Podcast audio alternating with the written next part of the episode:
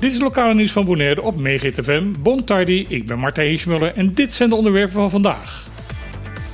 Er is geen sprake van verbod op foilen en surfen, niet bij Lakbaai, niet bij Klein Bonaire en ook niet ergens anders rondom Bonaire. Dit is een uitspraak van de gedeputeerde Jolinde Kranen in antwoord op vragen van het Antilliaans Dagblad.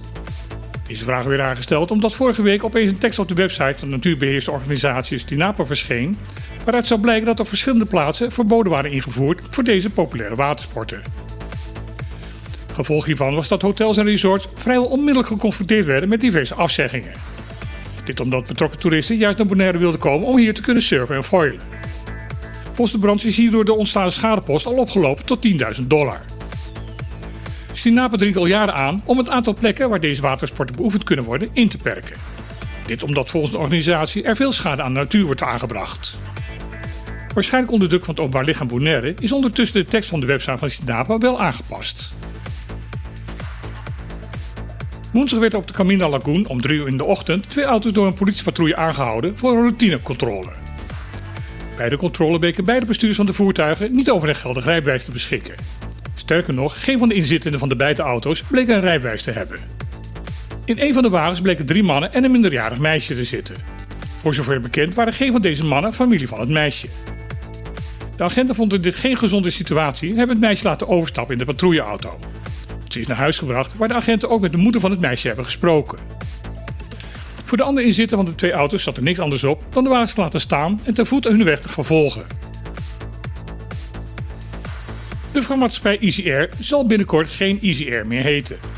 De maatschappij heeft bekendgemaakt dat er zeer binnenkort een zogenaamde rebranding zal plaatsvinden. Easy Air neemt deze stap niet vrijwillig.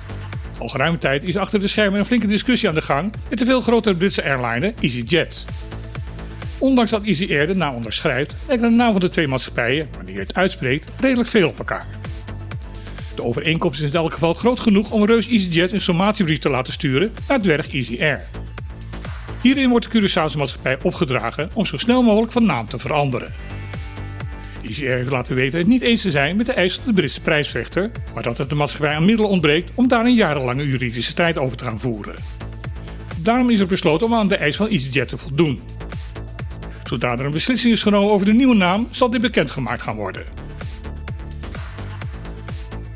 Het lijkt uitgesloten dat per 1 januari 2024 in Caribisch Nederland een fatsoenlijk sociaal minimum ingevoerd gaat worden. Dit blijkt uit reacties van de betrokken ministers en Tweede Kamerleden.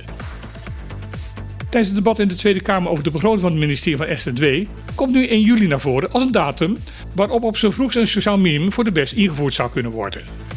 Maar of dat ook echt gaat gebeuren is nog zeer de vraag.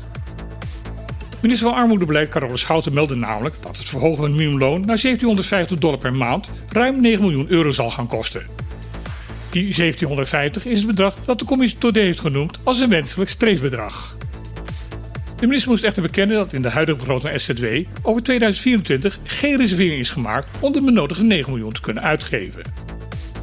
Dat is verbazend omdat de Tweede Kamer diverse keren heeft aangedrongen om een dergelijke reservering in de begroting wel op te nemen. Het is dus nu aan de Tweede Kamer om te besluiten de begroting SZW te wijzigen en zo de invoering van een sociaal minimum in Caribisch Nederland in 2024 toch mogelijk te maken. Dit was weer het lokale nieuws van vandaag op MeeGTFM. Wil je dit bulletin nog een keer beluisteren, kan dat via onze podcast MHFM Lokaal Nieuws. Voor nu wens ik iedereen een mooie en sociale dag toe en dan heel graag weer. Tot morgen.